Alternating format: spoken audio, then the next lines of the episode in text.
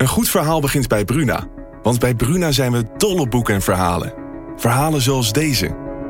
De mist kwam uit de baai opzetten en besloop langzaam het Victoriaanse huis op Blake Street. Drong door de houten kieren naar binnen en bleef in dunne sliert in mijn kamer hangen.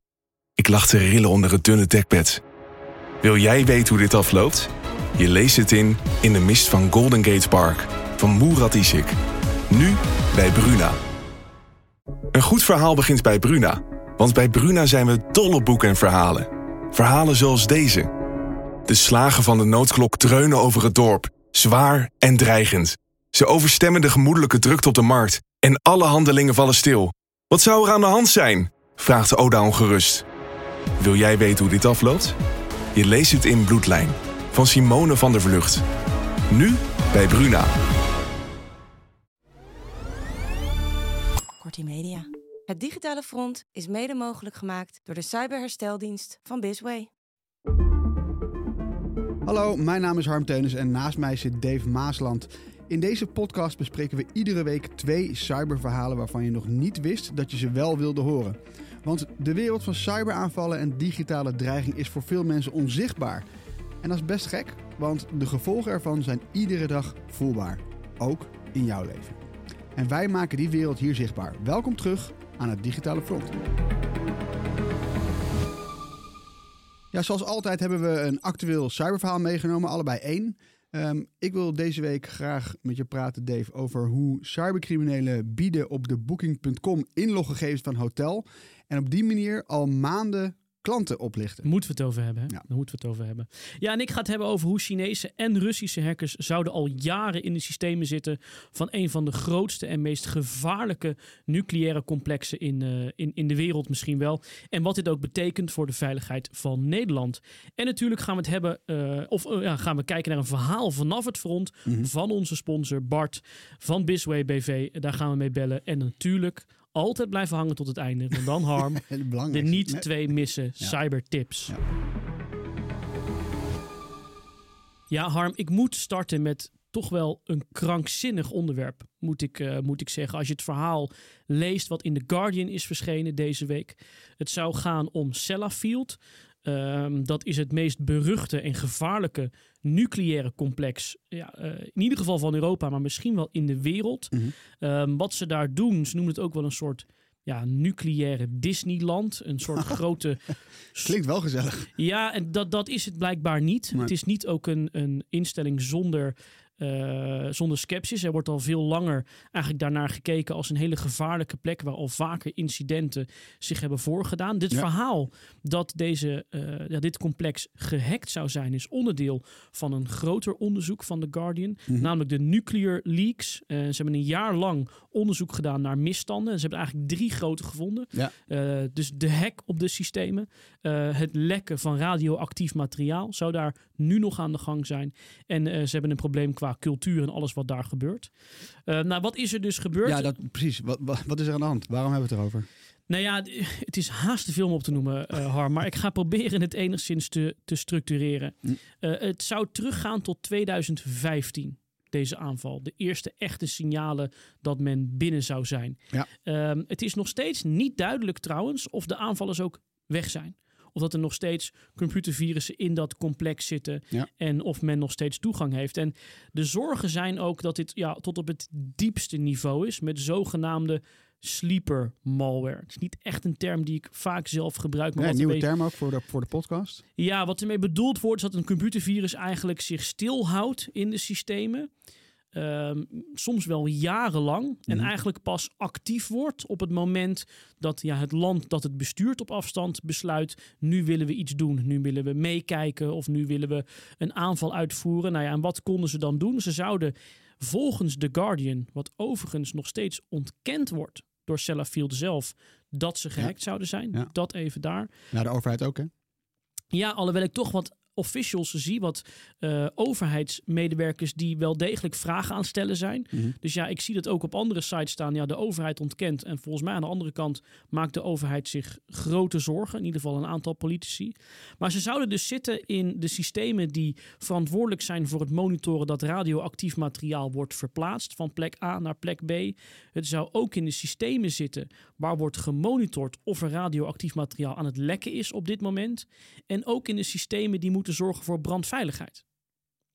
Ja. Dus ik, ik, Ja. ik zie een soort van, van zorgelijk. Kijk, dat betekent dus dat ze ja, op een ongekend diep niveau daar, eh, daar binnen zitten. En ik zag een filmpje die The Guardian heeft gemaakt.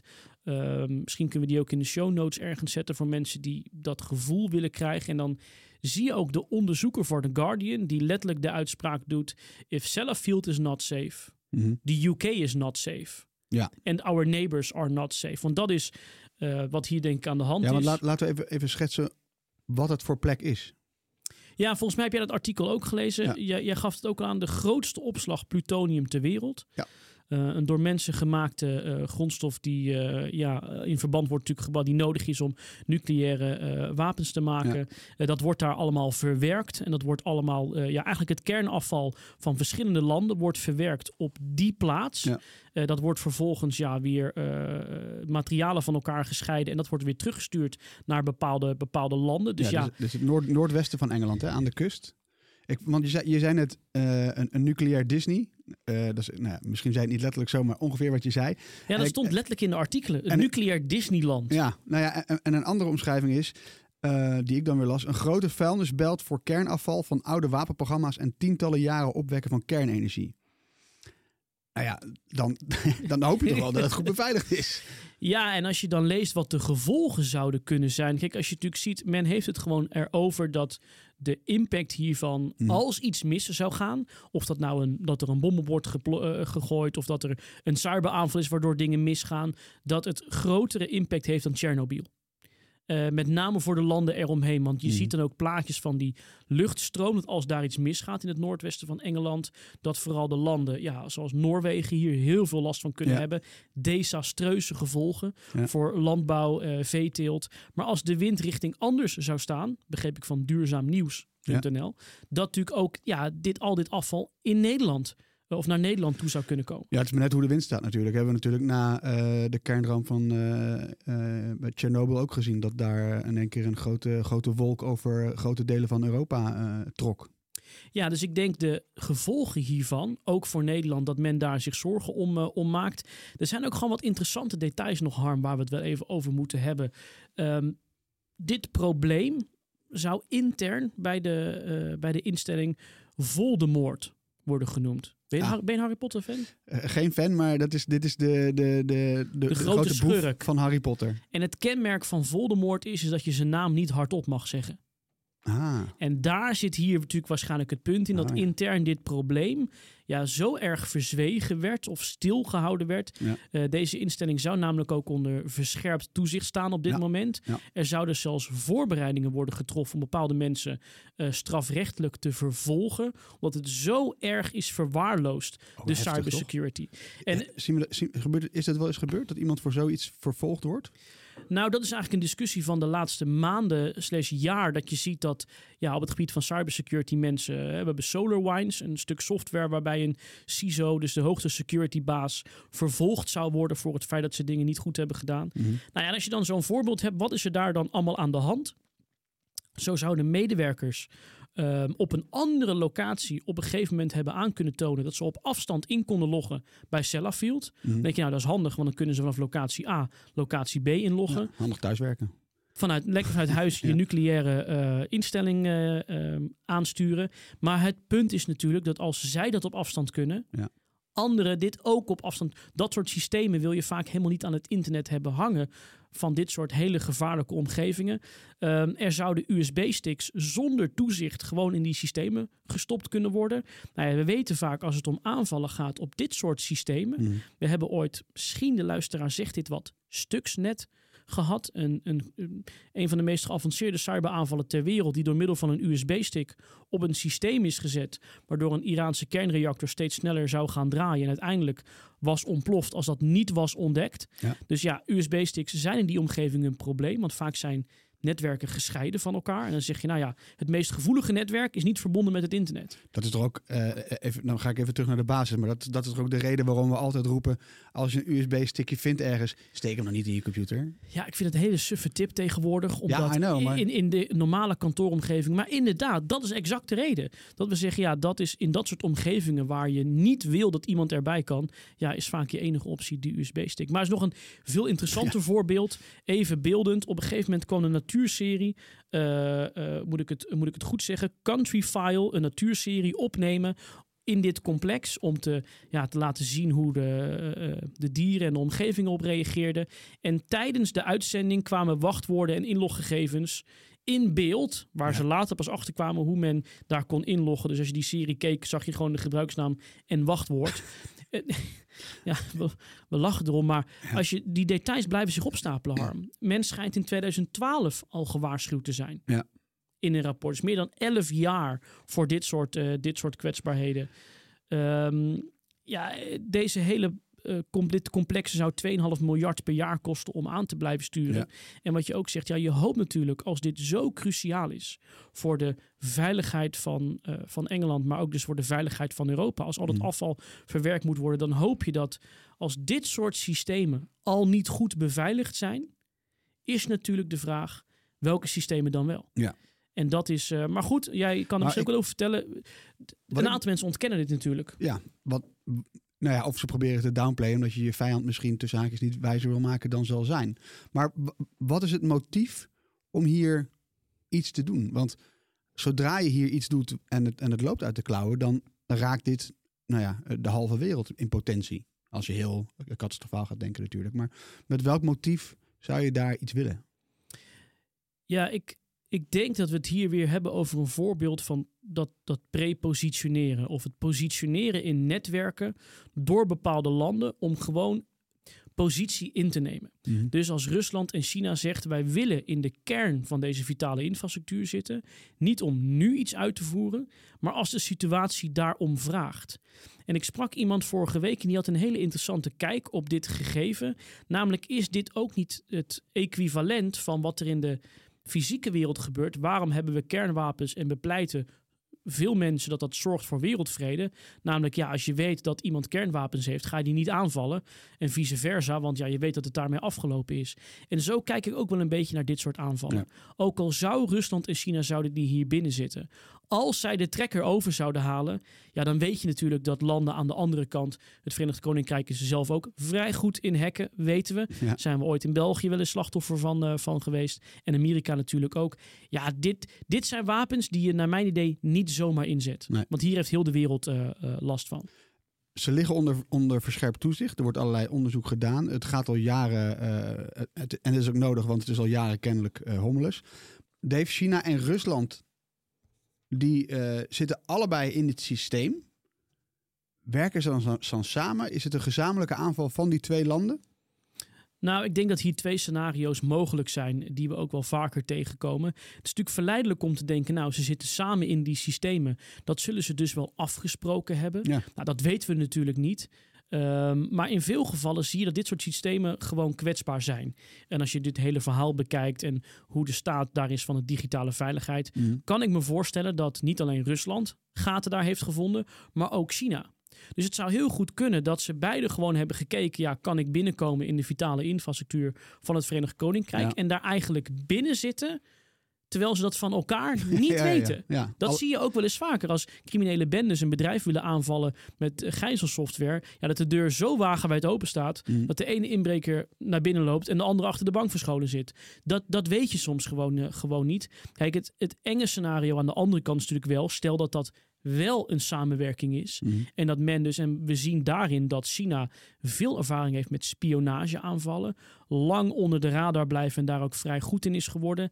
En we weten dat Rusland ja, ehm, vaardigheden heeft om sabotage te plegen. Ja. Nou ja, als je dus een als je dat bij elkaar gooit, krijg je geen inbreker, maar een soort ninja. Dus iemand die heel erg goed naar binnen kan gaan en uiteindelijk ook schade aan kan richten. Ja. Ehm, ik weet niet of dat een aannemelijk scenario is. Dat zouden we aan een geopolitiek expert moeten vragen. Kijk, als zoiets natuurlijk naar buiten komt, het gaat wel eens vaker harm over.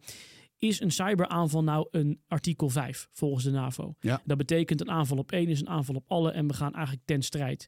De NAVO is daar heel bewust vaag over. Dat lijkt me ook gezond. Zij zeggen niet precies wanneer een aanval een aanval is op alle. Nee. Want als bijvoorbeeld Noord-Korea dat zou weten, ja, die zou een aanval kunnen plegen, zo'n grens over kunnen gaan en net doen alsof ze een ander land zijn. En dan zitten we in een derde wereldoorlog, terwijl dat eigenlijk niet de bedoeling is. Uh, maar ja, de NAVO heeft altijd gezegd als een cyberaanval net zo in de buurt komt van zoveel doden of fysieke schade als een echte aanval, Mhm. beschouwen wij het 100% als een artikel 5.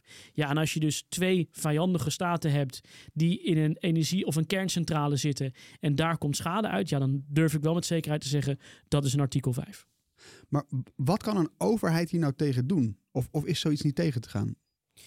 Nou ja, je ziet dat die relatie best lastig is. Van dit soort instellingen zijn vaak wel onder toezicht van de overheid, maar niet qua directe invloed. Alleen je zal toch gaan zien, als ik nu zie wat voor een kritiek en wat een verhaal dit is geworden in het Verenigd Koninkrijk. Ja, dat de overheid achter de schermen vragen zal stellen en misschien wel zelf zal ingrijpen. Mhm. We hebben natuurlijk ooit in Nederland een casus gehad bij DigiNotar. Uh, daar gaan we niet helemaal in vandaag, maar eigenlijk ook cruciaal voor onze Nederlandse internetveiligheid. En daar ging Ja. het mis. Toen heeft de Nederlandse overheid letterlijk de controle over dat bedrijf overgenomen. En dat zou hier, denk ik, vergelijkbaar zijn. Vooralsnog ontkent Sellafield dat ze gehackt zouden zijn. Mhm. Ze geven wel aan dat er problemen zijn en dat ze hard hun best doen en weer goed op weg zijn om onder verscherpt toezicht uit te komen. Maar ik wil toch nog even afsluiten dat feit wat jij natuurlijk aangeeft van ja, wil jij als land in dit geopolitieke strijdtoneel kenbaar maken dat jouw meest vitale systemen zijn gehackt? Ik denk het niet. Nee. Dus of het nou wel of niet waar is, ik verwacht niet dat de overheid van het Verenigd Koninkrijk hier snel mee naar buiten komt. En dat maakt dit verhaal, denk ik, uh, ja, een verhaal die we moeten blijven volgen aan, vanaf het digitale front. Maar dit is niet het enige nieuws uit Engeland. Want ik wil toch nog even, uh, la later deze Ja. week kwam ook een ander bericht uh, binnen wat ik toch eigenlijk graag nog even mee wil nemen. Want um, over Rusland gesproken, Russische hackers die proberen kennelijk ook al jaren de politiek in het Verenigd Koninkrijk te beïnvloeden. We weten natuurlijk dat ze dat bij de Verenigde Staten al jarenlang doen en proberen. Maar wat nou blijkt, um, uh, een artikel van onder andere uh, Financial Times, uh, maar het is ook een bericht van het NCSC, het Cybersecurity um, Centrum van het Verenigd Koninkrijk. Um, ja, Russische hackers die hebben een hele reeks spionagemethodes toegepast op Britse Kamerleden, journalisten, NGO's, allerlei andere uh, functionarissen. Um, en hebben informatie gestolen om invloed uit te kunnen oefenen op de Britse politiek. En die worden dan uitgevoerd door een, uh, een, een, een groep die dan uh, Star Blizzard wordt genoemd. En die wordt door de Britten en door Five Eyes, dat zijn de samenwerkende veiligheidsdiensten van Verenigd Koninkrijk, Canada, Australië. Australië, Nieuw-Zeeland, grote Engelstalig sprekende ja. landen inderdaad. Dankjewel. Ja. En die brengen deze groep in verband, uh, uh, uh, ja, in verband met de FSB, een van de diensten in Rusland. Ja. En het, um, wat heel specifiek is, is dat ze in 2019 werden er documenten gedeeld over de onderhandelingen voor een handelsakkoord tussen het Verenigd Koninkrijk en de VS. Allemaal te maken met Brexit natuurlijk. Um, en die documenten die waren gejat uit niet, uh, uit, niet bij zomaar iemand, maar uit het mailaccount van de Britse minister van Handel. We wisten hè, dat dit lekker was, maar daar zit deze groep dus achter. Ja, eigenlijk zeg jij, het Verenigd Koninkrijk zit nu echt in de hoek waar de klappen vallen. Of inmiddels waar ze, wat, wat bekend is, waar ja, de klappen nu vallen. Nou ja, precies. En um, waarom die relevant is, uh, um, nou ja, een, een, een, uh, een onderzoeker uh, die waarschuwt ook um, dat deze groep een bedreiging vormt voor de aankomende verkiezingen in de VS. En dat is natuurlijk iets waar we wel rekening mee moeten houden. Want ja, we weten Heel de wereld gaat daar uh, van invloed in zijn, ja, wat precies, daar gebeurt. Precies. Ja, dus uh, nou ja, uh, een nieuwtje wat ik nog even wilde meenemen. Ja, volgens mij zien we inderdaad dat dit soort spionage gewoon voortkomt uit de situatie. We zien natuurlijk bijna wekelijks op Twitter beelden voorbij komen van propaganda in Rusland, die talkshows waar ze gewoon openlijk spreken over Ja. het aanvallen van het Verenigd Koninkrijk. Ja. Ook met kernwapens, bij wijze van spreken. Ja, en dan zou het dus inderdaad gek zijn als in die digitale wereld niet dat soort uh, dreigementen uit. En ik denk dat we dit uh, ja, ook zo moeten zien in dit uh, geopolitieke plaatje. Dan is het tijd voor onze vaste rubriek Bellen met Bart van Bisway BV. Onze sponsor, vriend van de show. Bart Lagerweg helpt bedrijven uit de problemen die last hebben van digitale aanvallen. En die ons iedere week meeneemt naar het digitale front en daar een belangrijk verhaal vertelt. Dus Bart, wat heb je deze week voor ons meegenomen? Wat is er gebeurd aan het digitale front? Yes, uh, er zijn digitale criminelen geweest die expres een DDoS hebben afgevuurd richting een website van een webshop. Wat betekent dat die website voor, door minimaal duizend computers tegelijk werd aangevallen. En daardoor lag die website er heel vaak uit. En de webshop is daardoor heel veel weborders kwijtgeraakt. Dat deden ze meerdere keren per dag, steeds op verschillende tijdstippen.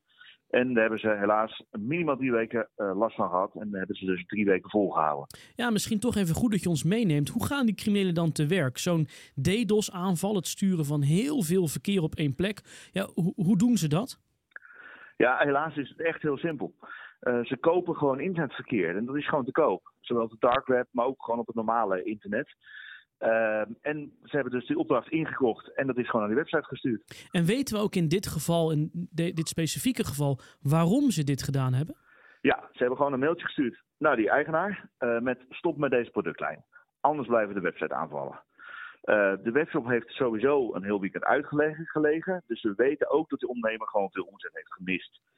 Maar daarnaast is er ook op lange termijn mogelijk een probleem. Google is namelijk ontzettend belangrijk voor zo'n webshop. De meeste mensen zoeken gewoon op Google naar een product. En hoe hoger je op Google staat als webshop, hoe beter. Want dan ben je de eerste webshop die een potentiële klant ziet. Maar Google checkt ook om de zoveel tijd of die producten nog op jouw website staan. En als jouw website er dan uit ligt vanwege die aanval, kost je dat die plek in Google. Want blijkbaar verkoop je geen producten meer, want die site doet het niet. En dat kan echt heel veel omzet schelen op lange termijn. Want het kan zomaar weken duren voordat je je positie weer terug hebt in Google. Als je die überhaupt terugkrijgt. En het het is slecht voor het vertrouwen in de consument. Want als je ziet dat je website eruit ligt, uh, waar je vroeger misschien wel eens al besteld hebt, ga je echt verder kijken. Ja, dit is gewoon een vorm van, van digitaal vandalisme. Wat we vroeger kennen dat de maffia je winkel binnenloopt en zegt: joh, als je niet betaalt, dan slaan we je winkel aan gort. Ja, de vraag is natuurlijk, Bart, als je jou dan belt of jullie komen op zo'n plek, ja, wat doe je? Hoe, hoe ga je dit voorkomen? Ja, het is gelukkig ook simpel, want uh, we hebben hier veel ervaring mee. Uh, wij als cyberhersteldienst uh, zetten dan een digitale wasstraat voor zo'n website. Waardoor we ervoor zorgen dat bezoekers die naar je website willen gaan, daar gewoon veilig doorheen kunnen komen. Maar verkeer wat er niet op thuis hoort, dat schonen we op en komt dus niet bij die webshop terecht.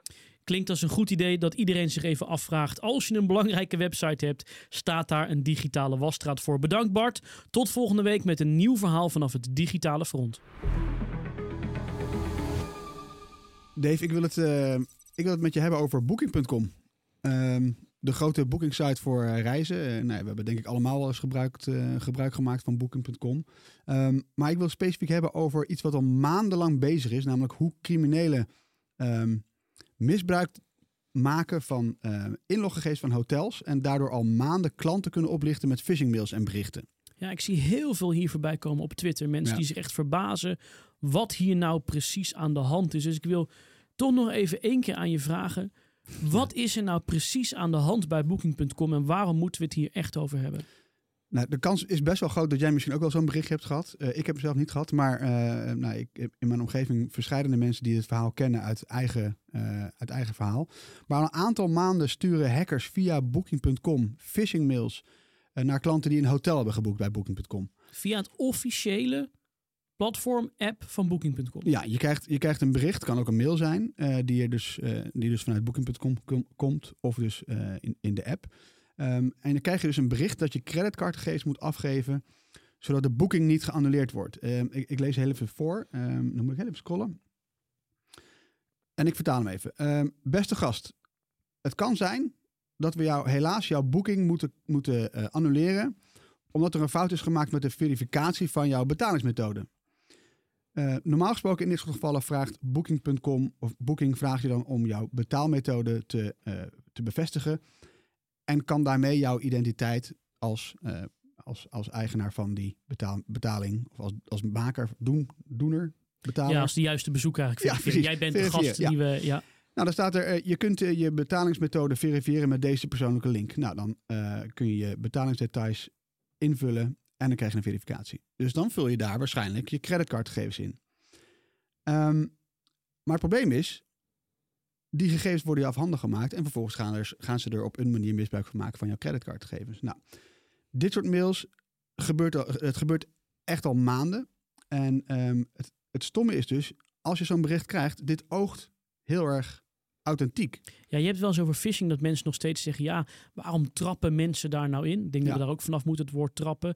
Maar in dit geval, Harm, hoe, hoe logisch is het dat je hierop ingaat als het bericht of de e-mail daadwerkelijk van Booking.com komt? Nou, dat is precies het gevaar. En, en dat is ook eh, eh, waarom het zo moeilijk is. Want ja, erin trappen, dit is niet erin trappen. Want alles aan dit, aan dit eh, je, je hebt hem ook voor je als screenshot. Ja, Ehm, alles ziet eruit alsof het echt van Booking is. Dus ja, waarom zou je er niet in trappen, zou, ik, zou je bijna zeggen.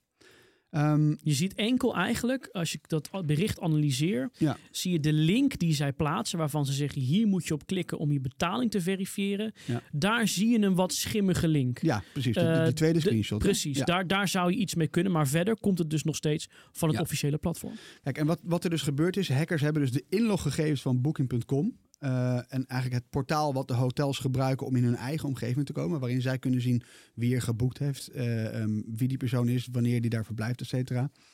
En hackers hebben dus die inloggegevens eh, ehm, van die hotels op een manier bemachtigd. Phishing meestal. En eh, Ja, ik ben er nog even ingedoken. En wat blijkt, ze hebben in de laatste BBC-artikel best wel gedetailleerd beschreven hoe of wat. Ik vond het toch interessant. Ja. Wat ze doen, is ze sturen vaak een e-mail naar een hotel. In die e-mail doen ze zich voor als een gast wat in het hotel is verbleven. En ze geven aan, ik ben mijn paspoort vergeten. Ja. Ligt die daar nog bij jullie? En dit is mijn paspoort. Sturen ze een linkje Ja. naar een Google Drive. Daar klikt een hotel op en zo krijgen ze toegang tot zo'n systeem. Waarop ze dus mee kunnen kijken, alle toetsaanslagen kunnen zien. En eigenlijk dus via dat systeem ja, gewoon inloggen in het, in het portaal van, eh, van Booking.com. Ja, en waarom ik het er eigenlijk vandaag specifiek over wil hebben, want dit gaat dus al, hè, dit is dus al tijden aan de gang. En dit blijft dus lucratief. Zo lucratief dat cybercriminelen nu op het dark web eh, tot zo'n 2000 dollar bieden voor login-gegevens van hotels. Om dan dus in dat systeem te kunnen komen en dit dus actief te misbruiken. Dus dit wordt gewoon nog steeds heel actief gedaan. En sterker nog, ze zoeken dus en betalen dus voor de inloggegevens van die hotels. En dan nog even terug, want dit is voor, volgens mij ook jouw werk om ook eens te duiden, ja, wat is nou de rol van zo'n bedrijf? Hoe groot is dat? Ja. Misschien even voor iedereen een opfrissertje. Ja. Want hoe groot is het probleem? Wie is Booking.com en hoe groot zijn zij? Booking.com, nou ja, ik zei het al, dit is het, eh, een van de grootste hotelboekplatforms ter wereld. En we kennen natuurlijk Airbnb, dan logeer je meestal bij iemand. Booking.com, eh, hotels kunnen zich daar eh, eh, op dat platform aanbieden. Je gaat naar Booking.com, je, je boekt een reis. En ze zijn daar ongelooflijk groot in.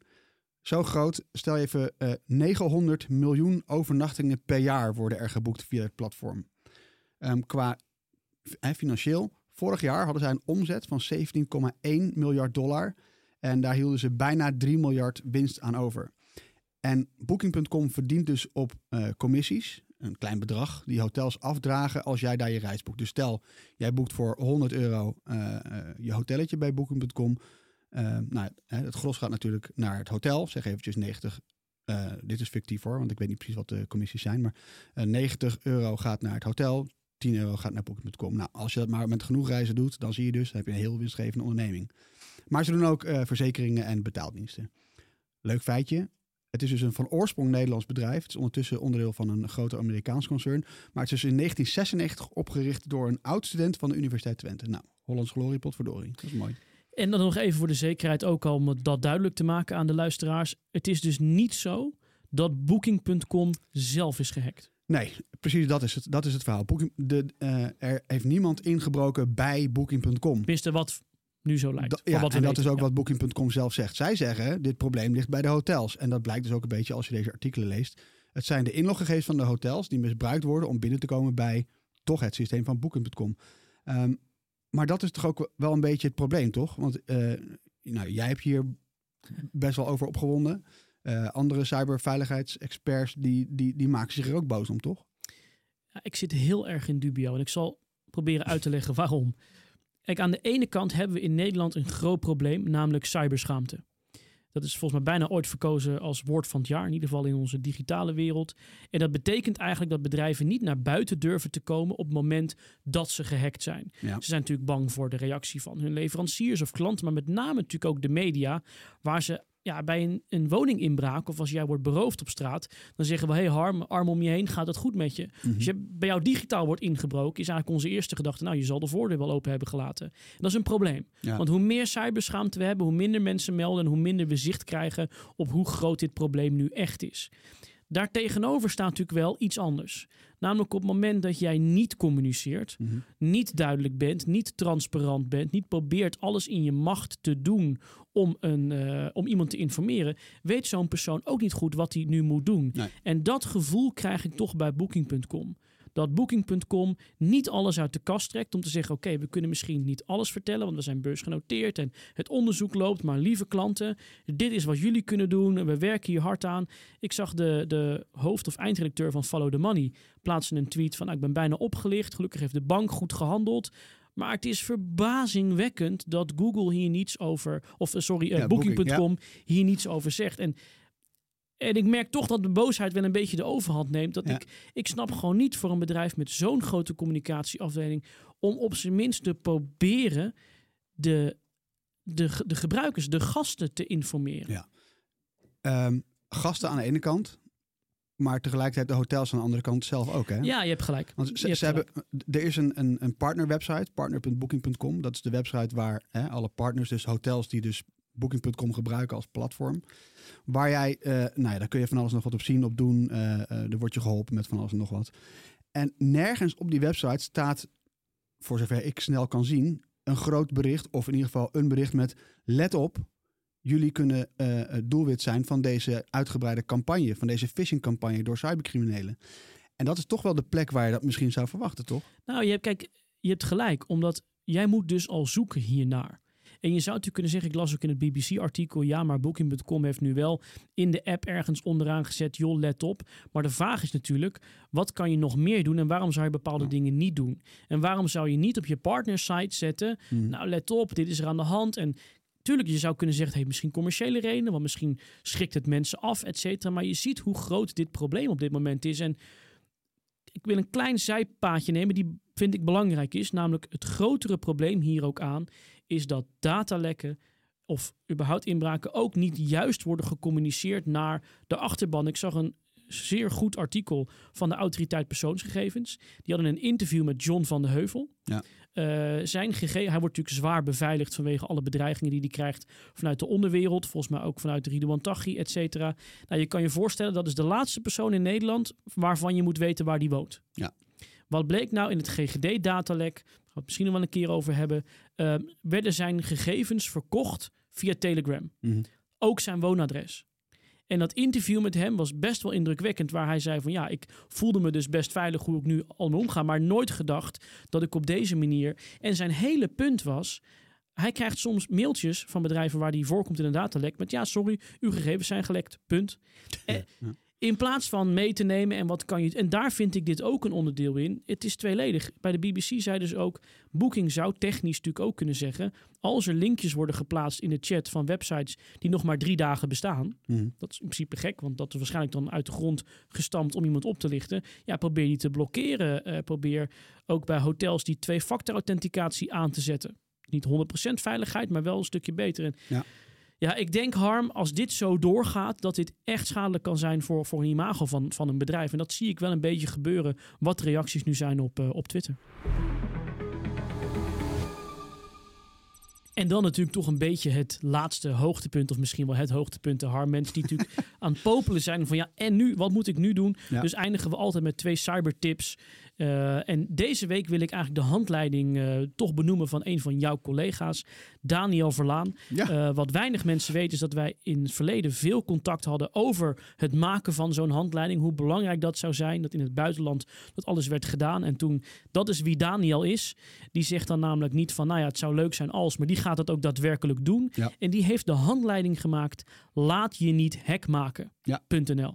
Ga daar naartoe als je echt serieus aan de slag wil met je eigen online veiligheid, digitale veiligheid. Volg de stappen, eh, lees wat daar staat Ja. en je bent echt een paar stappen verder. Ook voor jouw doelgroep, journalisten, staan een paar uh, geavanceerde tips. Mensen die extra doelwit zijn, zou ik dat echt aan willen bevelen. En ja, nogmaals, dan weet je echt dat je een, uh, een aantal serieuze stappen zet om digitaal veiliger. Uh, en probeer daar maar eens overheen te komen.